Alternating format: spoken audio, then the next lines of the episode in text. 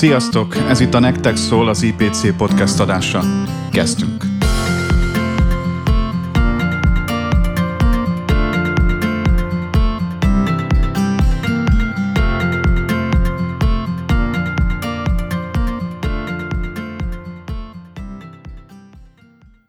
Szeretettel köszöntök mindenkit az újabb podcast beszélgetésünkben, és köszöntelek benneteket, Runa Széki Benedeket, illetve Szekeres Máriát. Sziasztok! Hello! Hello! Egy olyan beszélgetés ez, ami hát el kell mondanunk azoknak, akik hallgatnak bennünket, hogy iszonyú nehéz volt összehozni.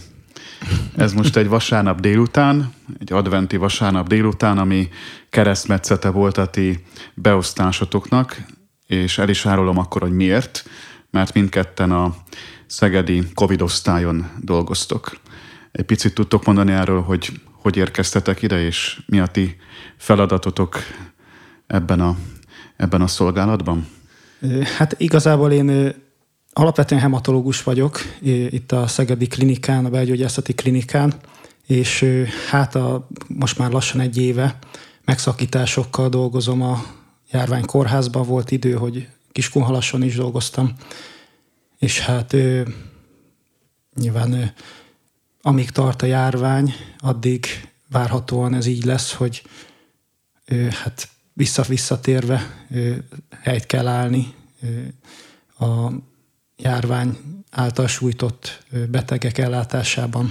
Ez a kiskuhalas, ez a, amit, amit ilyen különleges módon építettek fel, és a nagyon-nagyon súlyos betegeknek van fenntartva? Hát lényegében ez egy mobil járványkórház a Kiskunhalasi, és úgy tudom, hogy most egyelőre még nem nyílt meg. Igen, hát igazából ezt nem mondanám speciálisnak, inkább egy egy rend, rendhagyó módon felépített kórháznak. Előző hullámokban viszont teljes kapacitással működött. Marcsi. Én Marcsi vagyok, és 23 éve dolgozok ápolónőként a Magyar Egészségügyben. November óta, tavaly november óta meg a járványkórházban. Nyáron volt egy kisebb megszakítás, amikor nem kellett ott dolgozni az utóbbi egy évben ígyesen, mivel hogy kirendelnek bennünket nővéreket, nyolc helyen dolgoztam. Most októbertől újra járványkórházba ápolom a betegeket, mint két műszakos ápoló. Ahogyan mondtuk már, a Covid osztályon vagytok, mindketten fiatalok, mindketten hosszú évek óta, vagy jó pár éve dolgoztok az egészségügyben. Fáradtak vagytok? Lelkesek, de nem. Én fáradt vagyok, mert tegnap ügyeletes voltam, úgyhogy ez most egy kicsit kihat a mai napra, de azt hiszem, hogy még megvan a lelkesedés. Ezt jó hallani. Lelkesek vagytok, és um, itt van a kezemben egy um, ilyen műtőzöld, lehet így fogalmazni, maszk. Ez az én első maszkom, amit tavaly 2020 márciusában kaptam nem lehetett vásárolni, mint emlékeztek rá, mindenki mindent megvett. Otthon gyártották az emberek a különböző vászonból és egyéb anyagokból készített maszkokat. Én is ezt kaptam ajándékba. Ma már a maszk az életünknek a része. Már divat ág épült a, a, a maszk gyártásra, de tudjuk, hogy emögött egy, egy sokkal komolyabb dolog van, hogyha valaki ránéz a maszkra, és a maszk mögé néz, látja, hogy miért kell ezt a maszkot fölvennünk. Azért, mert 2020 márciusától nem kis túlzással a világunk és az életünk változott meg. Ti, akik akkor is ott voltatok a kórházban, még nem a Covid osztályon, és láttátok a pandémia első jeleit, mi volt bennetek? Fel tudjátok-e idézni azokat a napokat, heteket, amikor először beszéltünk egy világjárványról, és egyre közelebb került hozzánk ez a, ez a pandémia. Mi történt benned, veled? Nekem a első élményem az a második hullámra teendő, mert pontosan emlékszem, hogy október 23-a volt, amikor előző nap, olyan délután 5 óra, akkor jött a telefon, hogy aki oda belett osztva, ő, ő orvos kollega, ő covidos lett, és emiatt helyette be kellene ugranom dolgozni és hát nyilván hirtelen azt se tudtam, hogy ez mit jelent, vagy mit kell csinálni. ez a légúti ambulancia nyitása volt, és hát emlékszem, hogy megjött az első beteg a éjszaka vagy az este folyamán, és hát nyilván én a saját területemről, a saját tapasztalatomat hoztam, kardiológus kollégával, belgyógyászokkal voltunk együtt beosztva, és hát tanakodtunk, hogy akkor egyáltalán mi az, amit ilyenkor fontos figyelembe helyezni, amikor egy, egy ö, fulladó covidos beteg megérkezik. Nem féltél? Nem, nem ijedtél meg ettől a feladattól?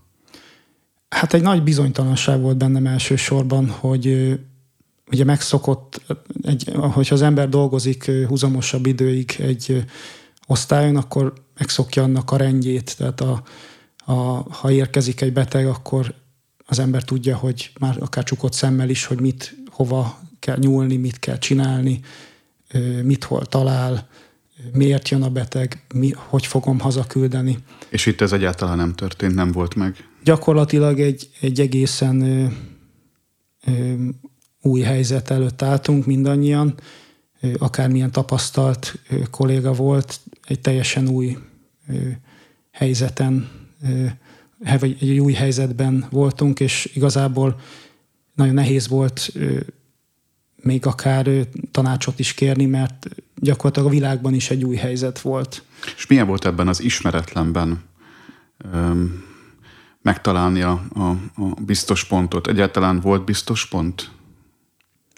Hát én azt gondolom, hogy hogyha szakmai oldalt nézem, akkor a, az előtte lévő, én akkor lettem pont szakorvos, tehát gyakorlatilag majd a, következő héten, miután leszakvizsgáztam, már kim voltam a koronavírus osztályon. Tehát arra az öt évre tudtam támaszkodni, amit én a hematológián gyakorlatként megszereztem. Ja, találkoztam korábban is fulladásos betegekkel, vagy fulladós betegekkel, de nyilván nem fertőző betegekkel, vagy nem ilyen jellegű fertőzésben szenvedő betegekkel. Tehát szakmai oldalról nyilván erre a, a tapasztalatra. Hát lelkileg meg hát nyilván ilyenkor az ember Istenbe tud kapaszkodni, illetve hát abba a, a hátországba, ami, ami ott van vele. Nyilván, ha nem hívő, akkor akár a családnak a támogatása, vagy, vagy hát akár a baráti közösség az, ami tud támogató lenni egy ilyen helyzetben. Marci, ebben a bizonytalanságban mit éreztél, mi volt benned, amikor, amikor váltani kellett, vagy legalábbis egy egészen új, ismeretlen feladatba kellett belelépned? Volt elég erő benned mm. akkor? Nekem talán annyiból nem volt ismeretlen, mert hogy én belgyógyászaton dolgoztam előtte is, és mivel, hogy ezért a fulladások belgyógyászaton előfordulnak ilyen fulladási tünetek, a, én a beöltözéstől féltem jobban, hogy majd nem öltözök be úgy, hogy ne hozzam ki onnan a vírust. Ugye úgy be kell öltözni meg azért precízen, pontosan, hogy hogy öltözöl be, hogy vetkőzöl ki utána, ahogy bementél. És én igazából úgy gondolom, hogy Istenbe hiszünk, ugye, és hogy hogy az azért nagy erőt adott ahhoz, hogy tudjuk egymást biztatni, meg egymást segíteni ott olyan feladatokat, amiket kaptunk, hogy meg tudjuk oldani, azért nagyon sok, sokan össze tudtunk így dolgozni, vagy így összekovácsolódott az egész csapat, akár az orvosok is, nővérek is, akiket nem ismertünk eddig, olyan jó össze tudtunk dolgozni, hogy igazából az is erőt adott nekem a, a, az egészhez. Azt megint csak újra és újra elmondjuk, hogy a világunk óriásit változott lassan két éve, két évvel ezelőtt valami egészen új kezdődött el. Ez az új milyen, ezt még nem igazán látjuk, csak, csak jeleit tapasztaljuk, de hogy ti változtatok-e ebben, a, ebben az új feladatban, ebben az új kihívásban, ti, akik a frontvonalba vagytok, bennetek változott-e bármi ebben a, ebben a küzdelemben, ebben a, orvosi, ápolói, nővéri küzdelemben, amit nap mint nap folytattok ott a Covid osztályon, hogy életeket mentsetek, vagy segítsetek? Vagy csak ugyanolyan feladat, mint a többi, korábban a hematológián, vagy éppen a belgyógyászaton semmi nem változik? Hát én azt gondolom, hogy nagyon sok minden változott. Ö, elsősorban nekem az az egy, egyik legnagyobb nehézségem, hogy ö, én egy ilyen tervező típus vagyok. És ö, ezzel a járványjal pont a tervező, vagy a, tervezhetőség az, ami megváltozott az életemben. És ezt nagyon nehezen lehet szerintem viselni, főleg hosszú távon.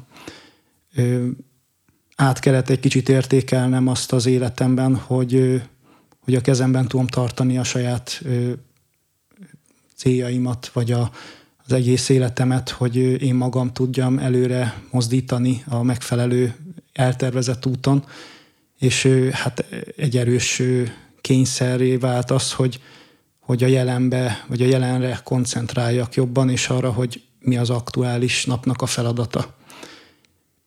Úgyhogy én számomra ez egy nagy nehézség a mai napig, hogy nem látok csak adott esetben egy hétre előre, mert nem tudom, hogy mikor fognak újra áthelyezni mondjuk a, a saját munkahelyemről a COVID osztályra vagy vissza. Tehát igazából nagyon nehéz ez a bizonytalanság ebbe az egész járványhelyzetbe. Ugyanezt mondanám én is, hogy ez a tervezhetőség, ez nagyon rossz nálunk még az annyiból is, hogy bármelyik nap változhat a beosztás. Volt olyan valami, ami, ami korábban jelen volt az életetekben, akár hétköznapi, napi szinten jelen volt abban, amit csináltatok, és most nincs, hiányzik, mert Covid van, mert le vagytok terhelve. Tehát, hogy ilyen szempontból az életetek minősége, formája változott valamit? Hát abszolút, ugye az ember, amikor szakvizsgára készül, akkor végig jár egy öt éves periódust. Nyilván én hematológiából szakvizsgáztam, tehát én arra készültem, hogy ezt követően én elkezdek szakrendelni, hematológiai betegekkel foglalkozok, jobban elmélyülök ebben a szakmába, és gyakorlatilag egy tolvonással foszlott ez szét, hiszen már mondom az első héttől, mi, miután leszakvizsgáztam, a Covid osztályra kellett mennem dolgozni, ahol egészen más feladatok vannak, tehát picit a perspektíváim inoktak meg, és hát ugye a mai napig nem lehet tudni, hogy ez meddig tart, illetve hogy meddig van rám szükség. Mondjuk, hogyha elkezdek gondozni egy beteget, egy mielóma multiplexes beteget, hogy tudom-e őt folyamatosan figyelemmel kísérni, ugye vissza tud-e járni hozzám. Nyilván, hogyha kim vagyok a koronavírus osztályon, akkor sajnos nem fogom tudni őt ellátni rendszeresen, tehát valakinek helyettesítenie kell ilyenkor. És hát ugye egyre kevesebb az az ember, aki tud helyettesíteni, hiszen egyre több a covidos beteg, így a hátország az egyre fogy. Úgy ismerlek benneteket, és el kell mondjuk, hogy már több éve Marcsit még puszta mérgesről, valamikor 2000-es évek közepéről, Benedeket pedig e, majdnem tíz éve a Szent Imre kollégiumból, és amögött, amit elmondtatok szakmailag, a mindennapi feladatkör, munka, szolgálat, küzdelem, nem tudom, sokféleképpen le lehet ezt írni, ami, amit ti végeztek, a saját hivatástokban. Szóval emögött tudom, hogy van egy, te úgy nevezted, hogy egy hátország, vagy háttér. Beszélnétek arról, hogy mi az, ami, ami nektek ezt, ez a, ezt a hátországot jelenti, ezt a hátteret? Mi az, ami nektek erőt ad, felemel? Mert hogy nap mint nap adtok, nap mint nap ö, ö, sok erőt fektettek abba, ami, ami a ti szolgálatotok, kifele ad az ember, de hogy, hogy be, be tudtok-e fogadni, és miből merítetek erőt a hétköznapokban?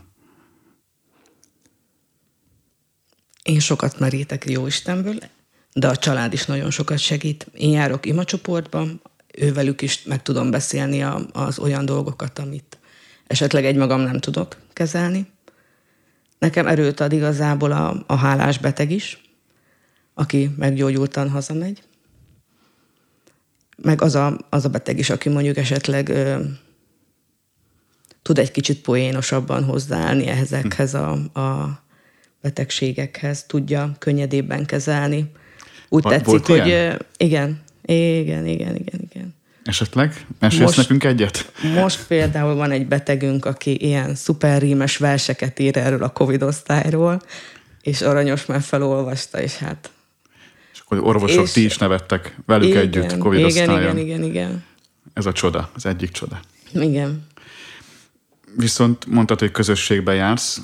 Miért fontos ez neked? Hiszen ez nem a szakmai területnek a része, nem a szakmai munkádhoz tartozik, és mi köze a kettőnek egymáshoz? A közösségnek? Beszélhetünk nyíltan mindenről, és mindig tudunk hálát adni mindenért, ami van, és, és ez jó dolog. Meg, meg, egy, meg egy közösséghez tartozni, az jó dolog. A családon kívüli közösséghez. Megtart. Mi nem megtart, igen. Igen, én is ö, járok ö, egy keresztény közösségbe, és ez nagyon sok támogatást tud adni önmagába, akár a közös imádság, tehát valahol azokat a terheket, amiket az ember akaratlanul is felszed magára egy ilyen munkahelyen, azokat le kell tudni tenni, és hát pusztán a, egy templomban való elmélyülés, egy imádság, az ebben nagyon sokat tud segíteni. Ami nagyon szerencse, hogy a, a COVID osztályokon általában nagyon jó a szakmai stáb, tehát a, a, a hangulat önmagában a kollégák között nem rossz. És tényleg egy ilyen családias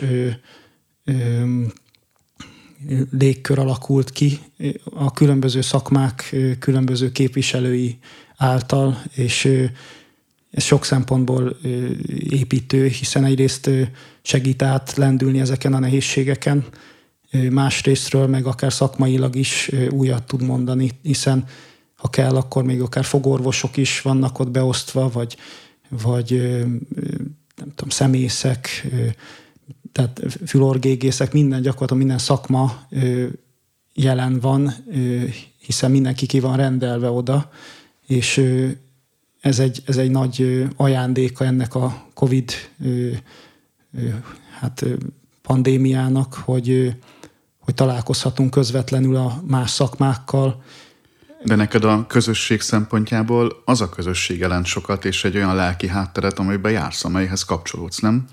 Hát ez érdekes, mert ugye a nagy részét az időmnek mégiscsak a munkahelyemen töltöm el, tehát ő, ő, a hétköznapjaimat azt a kollégáim tudják megtámogatni ilyen formában, de természetesen ugye a, a hitem, illetve a, a, ez a keresztény közösség, ez, ez pont abból az oldalból tud leginkább segíteni, hogy, hogy, hogy fel tudjam dolgozni ezt a sok feszültséget, ami együtt jár magával a, a munkahelyjel.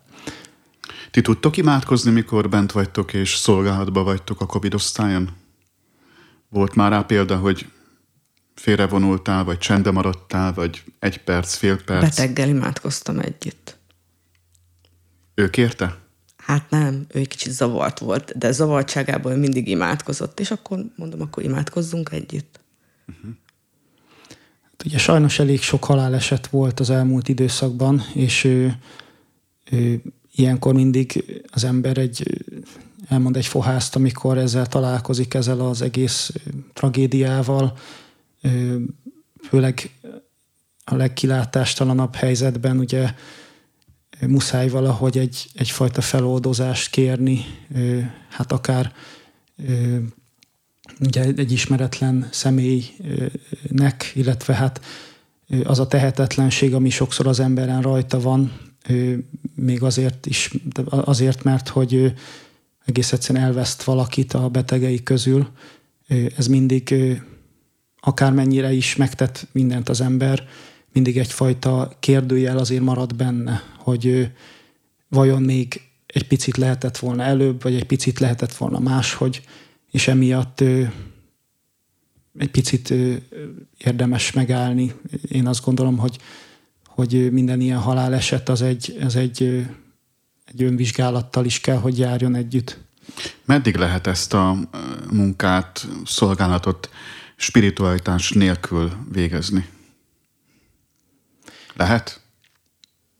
Hát ezt azok tudják megmondani, akinek nincsen ilyen jellegű kapaszkodója. Szerintem nem lehet. Szerintem nem lehet. Sokan nem vallják be, de én látok bennük egy kis reményt. Legalábbis azt látom bennük, hogy valamiben hisznek. Nagyon remélem, hogy jó Istenbe, de van bennük remény és hit, hogy, hogy ezt a jót tudják csinálni, tehát hogy igazából. Mint orvosok, hogy segít, ápolók, Mint nővérek. orvosok, ápolók, segítsünk a betegnek, így van. Én nagyon szerencsésnek érzem magam, hogy, hogy hisze, hihetek Isten, vagy hiszek Istenben, és hogy és, és nagyon nagyra becsülöm azokat, akik hit nélkül tudják ezt csinálni húzamosabb ideig, ezt a fajta munkát, hiszen én azt gondolom, hogy nekik ilyen szempontból nehezebb a helyzetük, hiszen nincs mibe kapaszkodniuk, nincsen olyan háttér támogatás, vagy, vagy nincsen ez a dimenziója a támogatásnak meg, ami nekünk keresztényeknek megvan. Azt mondtad, hogy nagyon szerencsésnek érzed magad. Én úgy mondanám, hogy nagyon áldottak vagytok azért, mert a Jóisten hittel ajándékozott meg benneteket, és akkor megérkeztünk ahhoz, hogy van-e még olyan, vagy van-e olyan, hogy orvosi hivatás. Nagyon sokszor használjuk ezt a kifejezést, és jogosan, tényleg tisztelettel nézünk az orvosokra, a nővérekre, akik gondoznak bennünket, gyógyítanak a kórházban. Viszont a hivatás esetében én, mint pap, azonosulok a papi hivatása, tehát rögtön erre gondolok, mert hogy a magyar nyelv szépen kifejezi, hogy hivatás, valaki hív. Ebben az értelemben hogy, hogy igaz ez az orvosi hivatásra, vagy a nővéri hivatásra? Jó Isten szerintem ezért alkotott bennünket, ezért hívott a földre, hogy mi, mi megtegyük azt, amire ő hívott, vagyis hogy mi ápolok meg orvosok legyünk, mert ezért vagyunk. Hát nehéz kérdés szerintem, mert sokat változott az évek során, tehát én, amit a, a, nekem a nagy apám is orvos volt, és ő akkoriban egész más jelentett orvosnak lenni, mint manapság. Én ezt magam számára úgy tudom lefordítani, hogy, hogy a munkámat az teljes lelki ismeretességgel csinálom, és, és a személyiségemnek is minden szegmensét próbálom a fele fordítani, hogy a betegeket tudjam hát gyógyítani, segíteni. Ez, amit te tudsz adni a betegeknek így, hogy orvos vagy, nővér, van egy hivatásod, ez egy áldás, mert van egy hited is mellette, és mi az, amit te ott az osztályon adni tudsz, amit te tudsz adni egy betegnek. Ezt átélted-e már, vagy, vagy volt-e valami tapasztalatod egy, egy beteggel, egy helyzettel kapcsolatban? Talán tudok reményt adni. Remélem, hogy tudok reményt hogy? adni. Hogy történik? Mi, mit, hogy kell ezt elképzelni, hogy, hogy, hogy Marcsi ott van, a, mint főnővér az osztályon, és az egész osztály tele van betegekkel, van, aki haldoklik, van, aki nem, van, aki gyógyul, és ezeknek a, az embereknek, akik ágyhoz vannak kötve, te mit tudsz adni, hogy tudsz nekik reményt adni? És ma a remény vasárnapja van, megjegyzem. Én azt gondolom, hogy bárhogy. Tehát igazából ö, sajnos ö, a koronavírus elleni küzdelem az egy nagyon kötött pálya jelenleg, hiszen nem sok gyógyszerünk van a koronavírus ellen.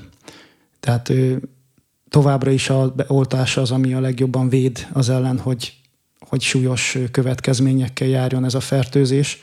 És ha már bekerül valaki a kórházba, akkor nagyon limitált az az eszköz, amit be tudunk vetni a koronavírus fertőzés ellen. Úgyhogy ami marad ezen felül, az adott esetben az, hogy mondjuk megigazítom a beteg párnáját, megítatom a beteget. Például konkrét példa, hogy nem tudta a beteg, egyszer az egyik viziten nagyon zavarta az egyik beteget, hogy, hogy nagyon laposan feküdt, és akkor hát többen próbálták már megigazítani az ágyát, de hát nem nagyon sikerült, és akkor nagy nehezen az volt a vizitnek a sikere, hogy meg tudtuk emelni a fejét a betegnek, és ténylegesen olyan hálás volt a beteg, szerintem még hálásabb volt, mint hogyha csak simán, amikor hazaengedjük, tehát hogy, hogy ezt a problémáját, ami akkor ott őt zavarta, hogy ezt meg tudtuk oldani. Én azt gondolom, hogy ezekkel a apró gesztusokkal sokszor többet ér az ember, mint amikor egyszerűen csak elrendeli a terápiát, vagy, vagy, vagy kiírja a röngent, tehát igazából most ez jutott eszembe ezzel kapcsolatban. És tudod is megkérdezném, Marcsi, hogy neked ez a remény, amit, amit te tudsz adni, amit csak te tudsz ajándékozni a betegeknek, ez mit jelent, és hogyan éled meg? Hogyan tudod te őket segíteni? Rendkívüli módon, vagy nem? Egyéni módon, az én módszeremmel próbálom ö, nem konkrétan nagy betegnek kezelni őket, vagy, ke, vagy nem úgy szólni hozzájuk, hanem úgy, mint aki már régóta ismerjük egymást, és bármit bármikor mondhatnak, bármit kérhetnek. Tehát neked a közvetlenség az, ami... Igen, a közvetlenség. A személyesség. És igen, amikor elmegyek az ágyuk mellett, akkor megérintem a lábukat, megkucizom a talpukat, meg ilyenek, és akkor ez, ennek örülnek. És hogy érzik, hogy bármit, bármit mondhatnak. Tehát, hogyha kell valami, szóljanak, amivel tudom őket segíteni, és reményt adni a gyógyulásba, hogy minél hamarabb meggyógyuljanak. Együtt tornázok velük, mikor jön a gyógytornász, és légző tornát csinálunk, akkor csináljuk együtt, ha éppen megyek a korterembe, aztán amikor kijövök, már nem csinálom. De szóval, hogy... Egy picit beteg lenni a beteggel. Uh-huh. Igen. Uh-huh. Ez egy nagyon szép kép, és um, kicsit a, a, az evangéliumi hitünkre is rámutat, hogy, hogy Isten egyé, egyé lett velünk, egyé vált emberré lett, olyanná, mint bármelyikünk a bűnt kivéve, és hogy mellénk, mellénk át velünk van, és hogy mint orvos, mint nővér a beteg mellett lenni, beteg lenni a beteggel. Igen, hogy a hitünket a tetteink erősítik meg igazából, hogy az mutatják attól. Uh-huh. Ez igazi hit a tett. És milyen az, amikor egy Benedek vagy egy Marcsi a karácsonyt a kórházban tölti? Volt már rá példa? Hát biztosan volt most egy konkrétan nem emlékszem, ilyen nincs előttem ez a kép. De érdekes egyébként, mert most már a legtöbb helyen felállította karácsonyfákat a klinikákon, és pont tegnap, hogy ügyeletben ugye a ugye most így csöndes aulán mentem keresztül, és ott világított a karácsonyfa. És akkor egy picit így elgondolkozik ilyenkor az ember, hogy, hogy azok a betegek, akik nem tudnak hazamenni a családjukhoz karácsonykor, hogy, hogy azok bennük mi van, mi, mi zajlik le. És nyilván egy, alapvetően van egy remény az emberben önmagában a karácsonyjal kapcsolatban, hogy, hogy valami jobb lesz. És hogy főleg ha az ember súlyos beteg, akkor valószínűleg ez a remény, ez, ez, ez az ő betegségével kapcsolatos, hogy ebből meg fog gyógyulni és hazakerül. És hát nyilván ezek az érzések azok, amik, amik talán még inkább hivatássá teszik az egészségügyi pályát, mert hogy, hogy ilyen, ilyeneket máshol az ember nem tud megtapasztalni szerintem, amikor tényleg ennyire mély élményei, megtapasztalásai lehetnek valakinek. Marcsi, hogyan alakul és milyen egy karácsony este, egy szenteste a belgyógyászaton? Voltál már beosztva szenteste vagy karácsony ünnepén? Valamikor biztos, valamelyik napot mindig el kell vigyük, nem maradunk ki belőle az egyik élményem, amit most el tudok mondani, hogy mikor a betegekkel együtt állítottuk fel a fát. Hozták a kis késeiket, meg mi a miénket, és mivel nem fért bele az élőfenyőnek a, a, a nem fért bele a talba, ezért szépen belefaragcsálták. És akkor utána mi meg földíszítettük nővérek. Mindenki csinált valamit. Még a belgyógyászati osztályokon, ahol dolgoztam, ott volt tévé, mindig néztünk valami karácsonyi műsort, tehát be volt kapcsolva a betegeknek, most ugye Covid osztályon ez nincs. És ilyenkor ők jobban beszélgetnek, vagy mellétek ülnek, vagy melléjük ültök? ott töltitek az estét, vagy mennyire más hát egy ilyen alkalom? Mi elvégeztük a feladatainkat, ami kötelező, a munkafolyamatokat, azok utána persze. Persze. És miről szól egy ilyen beszélgetés szenteste, amikor ők távol a családjuktól, ti ugyancsak, de munkában? Hát mindig a reményről igazából. Hát meg a szeretetről elmesélik a családi ö, szokásaikat, mit szoktak csinálni karácsonykor, vagy éppen hova mentek volna most karácsonykor. És ti hova mentek most karácsonykor? Marcsi Benedek, mi lesz most a decemberi hónapban a szentestétek? Hát én most szerencsés vagyok, már nem vagyok beosztva karácsonyi, vagy szenteste a, ügyeletbe, úgyhogy haza tudok utazni Budapestre, ugye a családdal, a szűk családdal tudom tölteni így a karácsonyt, úgyhogy ez, ez egy szerencsés helyzet ilyen szempontból. Én egy kicsit nem vagyok ilyen szerencsés. Én pont karácsony napján fogok dolgozni, úgyhogy a szenteste el fogok menni a misére, és utána az esti misére, és utána gyorsan alszok sokat, hogy másnap fit és üdén kezdjem a napot a munkahelyen. Bizonyára ti is gyerekkorotokban írtatok levelet a Jézuskának, vagy angyalkának, ki, ahogy nevezte a családban, hogyha most kellene írni egy levelet ennek a beszélgetésnek a fényében, akkor um, mi kerülne ebbe a levélbe? Mit írnátok, mit kérnétek tőle?